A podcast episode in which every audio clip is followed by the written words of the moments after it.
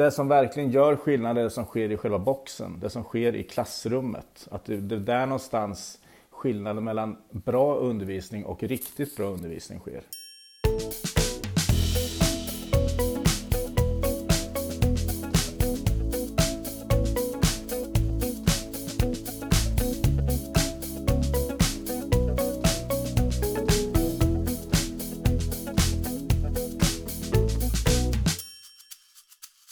Hej och välkommen till Skolprat, en podd om skola, undervisning och lärande. Vi heter Karin Rådberg.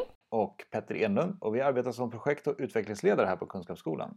Eh, Och idag, idag har vi en eh, speciell gäst, Marcus Brunfeldt med oss. Hej och välkommen Marcus. Tack så mycket, roligt att få vara här. Och du sitter i ett konferensrum i, i Norrköping och vi sitter på, i ett rum här i Stockholm. Ja, men det känns som vi sitter tillsammans. Eller Vad hur? härligt. Ja. Teknikens under.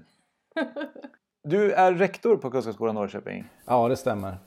Vill du börja med att berätta lite om dig själv och, och din bakgrund?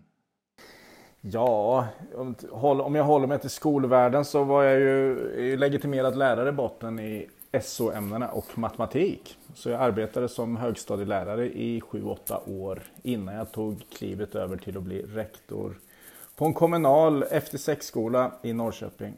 Eh, Och efter två år där så- så, landade jag i Kunskapsskolan eh, och har varit här sedan dess. Sju år här som rektor och nio år totalt då som rektor. Så att eh, ja, det har varit en spännande resa. Och under den tiden så har jag också betat av det statliga rektorsprogrammet och, och lite påbyggnadsutbildning till det också. Då. Så att eh, nej men det är, åren går faktiskt. Men det är några år i skolbranschen, både som lärare och som rektor i kommunal och fristående verksamheter. Vad, vad är det som är det roligaste med att vara rektor Marcus? Ja, någonstans tror jag det bottnar i, att få vara med, att sitta så nära beslutsnavet som möjligt och vara med och påverka och verkligen kunna se att det går att påverka saker i, i, i en riktning i alla fall.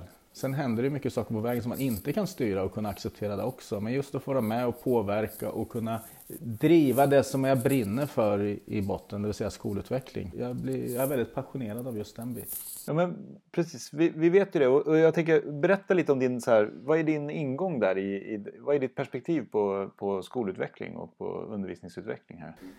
Egentligen är väl min, grundtes ganska enkel men, men, men om man, jag, jag, jag försöker väl, jag har väl lärt mig det, jag har blivit inskolad i, i den, de tankarna av, av James Nottingham och Bill Martin en gång i tiden att att det som verkligen gör skillnad är det som sker i själva boxen, det som sker i klassrummet. Att det, det är där någonstans skillnaden mellan bra undervisning och riktigt bra undervisning sker. Eh, Så, så att någonstans är det kopplingen mellan att, eh, eller grundtesen då, att, att jobbar vi med att få lärarna skickligare så får vi bättre undervisning vilket leder till bättre studieresultat.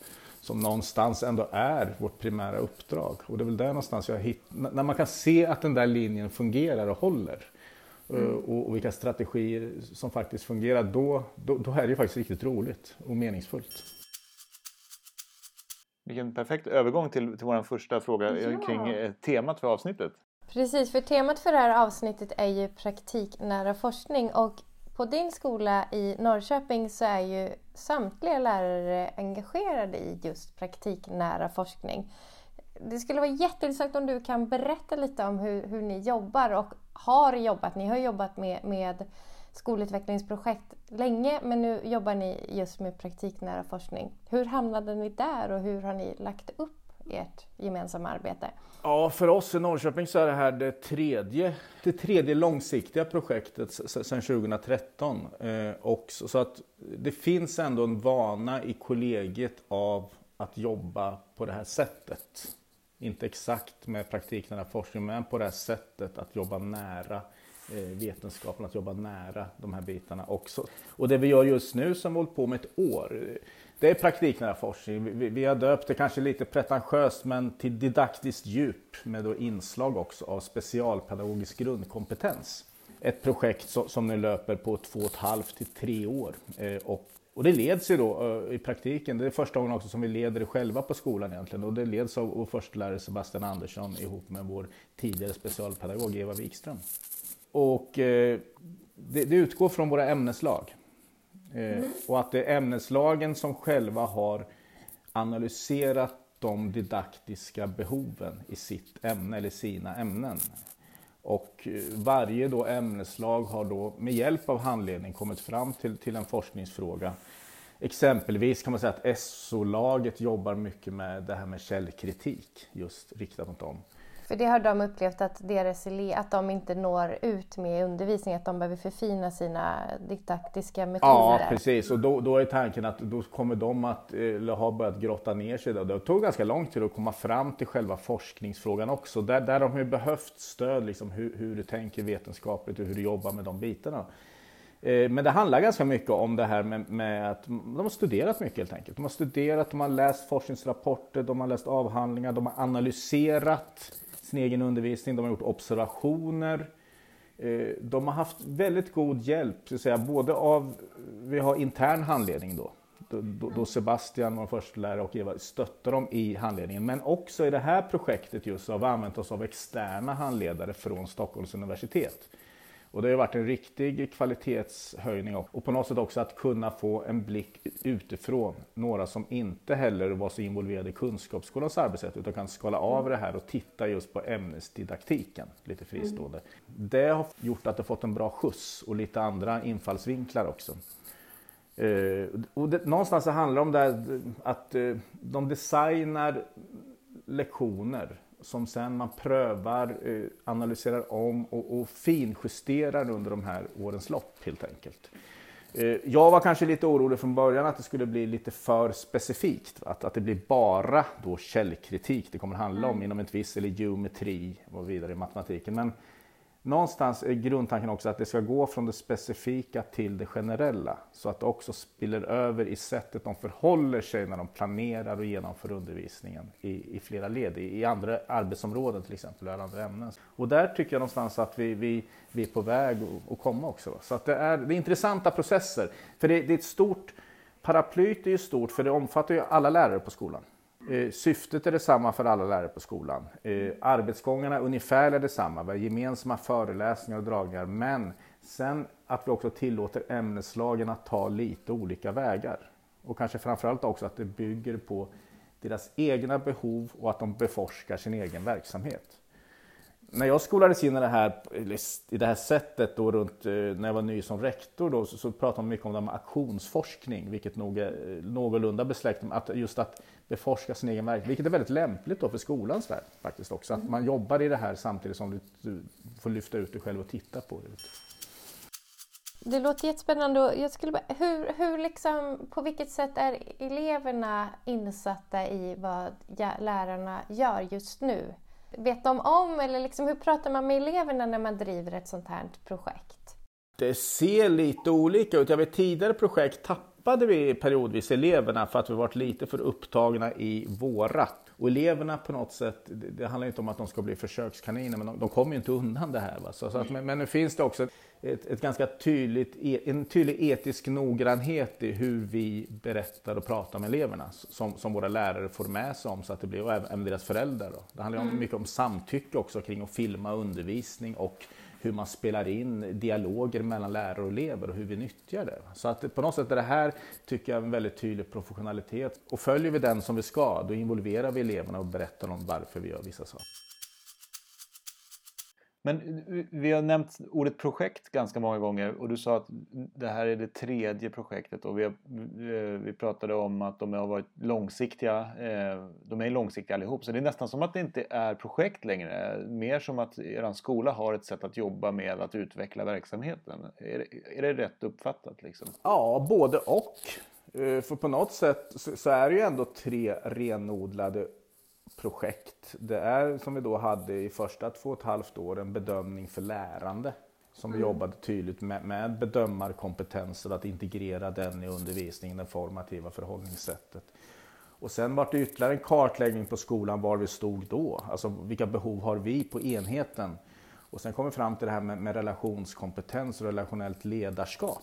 Och jobba med de bitarna. Då var det andra ingångsvinklar. Då handlar det mycket om personligt ledarskapet och hur, hur jag förhåller mig. Men även det kopplat till Kunskapsskolans arbetssätt. Och sen nu någonstans eh, efter ytterligare kartläggningar ser man behoven att ja, vi, vi har hög nivå på ämnesundervisning men den kan bli bättre.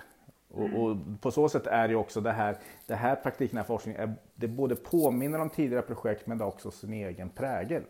Mm. För det här handlar inte längre bara om att reproducera färdig kunskap utan här handlar det faktiskt också om att eh, vara med och bygga nytt och sprida vidare på ett annat sätt. Då, tycker jag. Så, så att, men, men, men jag håller med dig Petter om att det är, eh, det är också en del av att jobba hos oss att, att, att, att vara en del i de här projekten. För samtidigt har vi ju lärare som har varit med från allra första början och varit så lärare som börjar nya i år.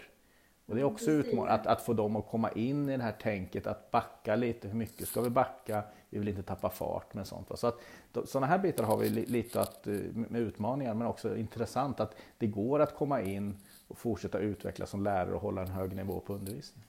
Tror du att det kan göra er skola till en attraktiv arbetsgivare för lärare när man vet att hos er så bedrivs det liksom ett ständigt utvecklingsarbete och man får vara med, ja, i det här fallet då, och titta på sin egen undervisning?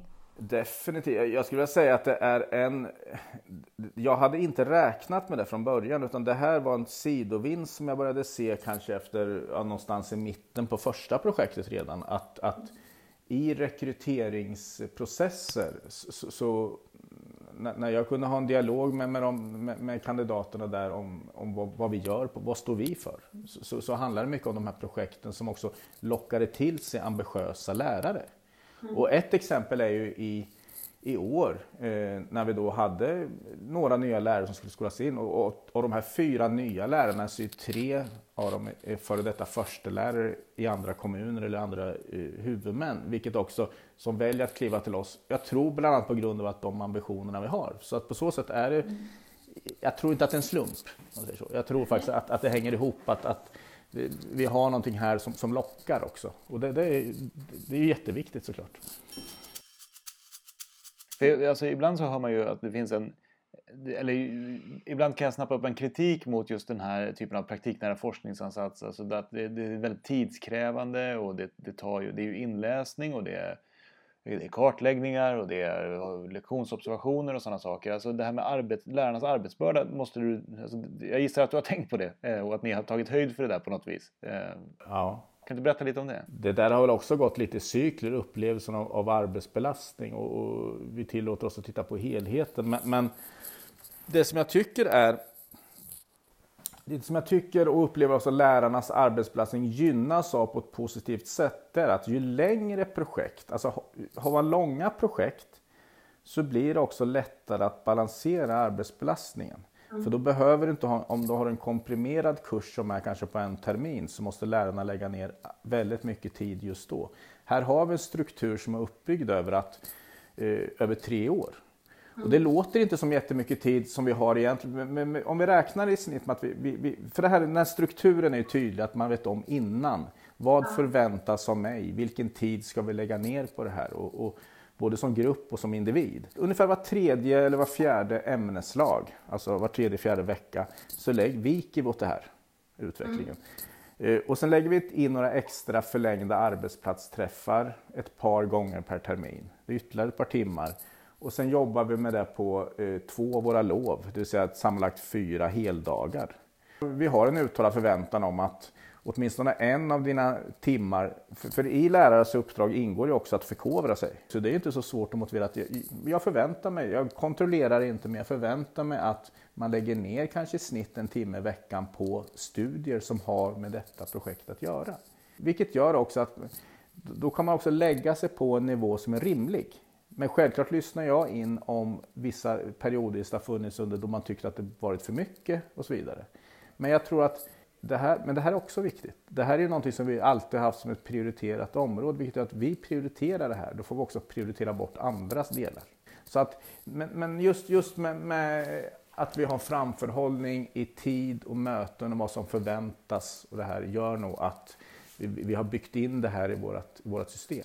En, fort, en fortbildningskultur som, som går hand i hand med den dagliga verksamheten egentligen alltså en lekmannamässig eh, bedömning, eller så här, eh, jag tänker, vi, vi läste en bok i våras som, som heter Att organisera för skolframgång av eh, Jarl och Blossing och eh, ja, Gustafsson. I den så står det så här att om lärarna får möjlighet att prata om undervisningen och att fokusera på undervisningen och att utveckla den kontinuerligt i inom ramen för organisationen så, så leder det till bättre studieresultat. Och det låter ju ungefär som det du beskriver, tänker jag. Jag har inte stött på något som sagt att det här är fel, utan snarare tvärtom. Och det är de tankarna från början som jag haft med mig, att fokusera på det som är relevant. Och det mest relevanta i skolan är ändå undervisningens kvalitet. Där kommer vi inte undan, där, där händer det saker.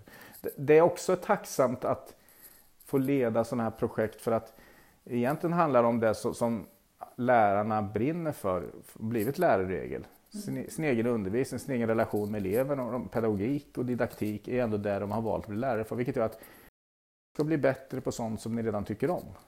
På så sätt har det varit tacksamt att implementera, att, att man faktiskt tycker att sånt här är roligt. Och, och det är ju liksom, ja, det hade kanske varit svårare med andra typer av projekt, om det rört något administrativt system som skulle implementeras.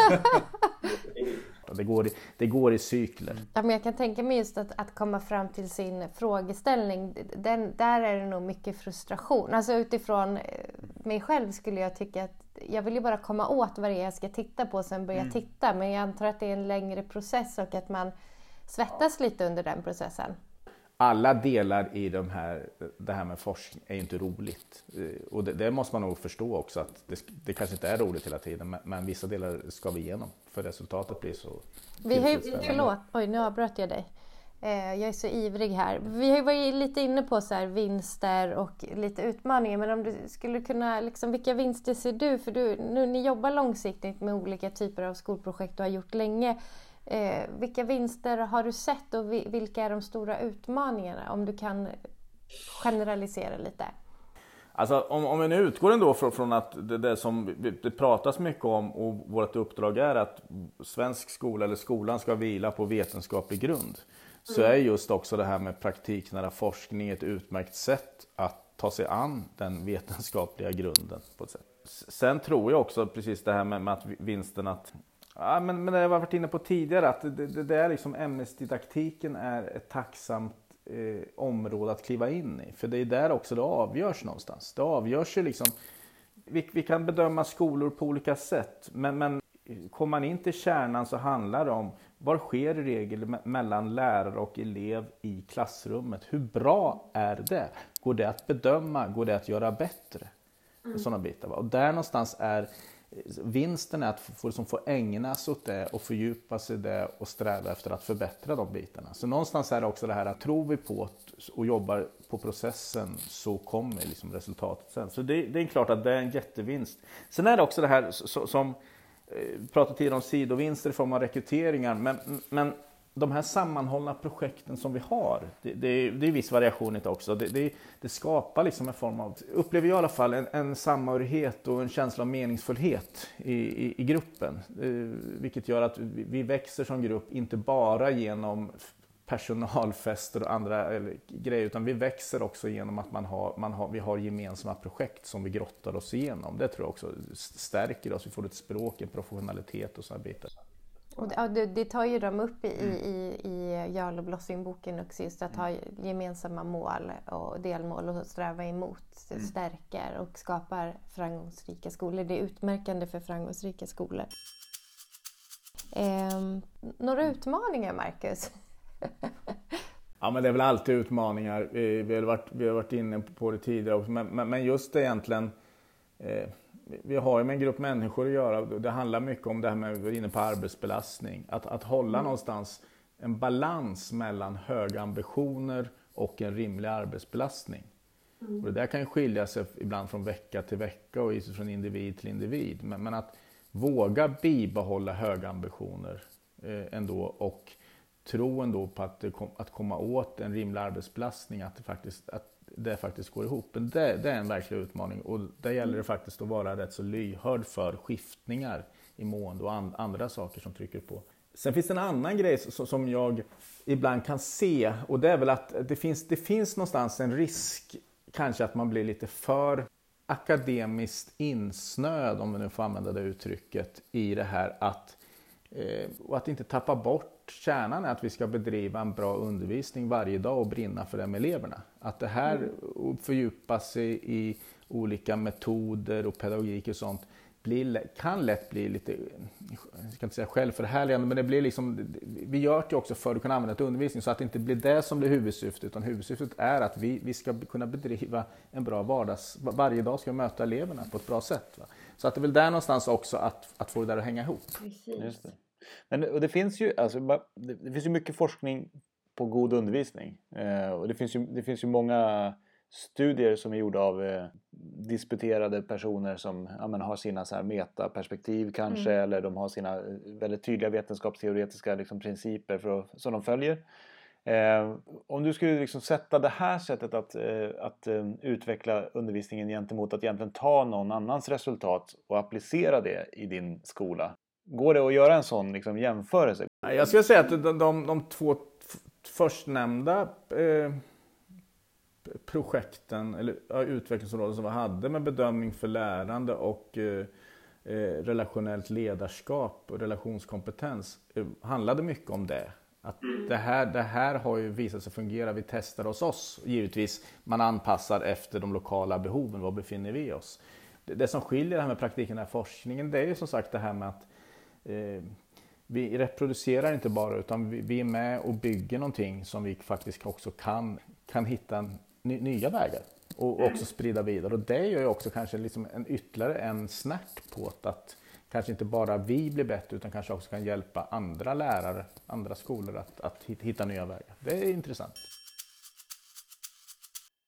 Du, vi har pratat lite om vinster här och nu, men har, har ni sett några effekter av ert arbete så här långt?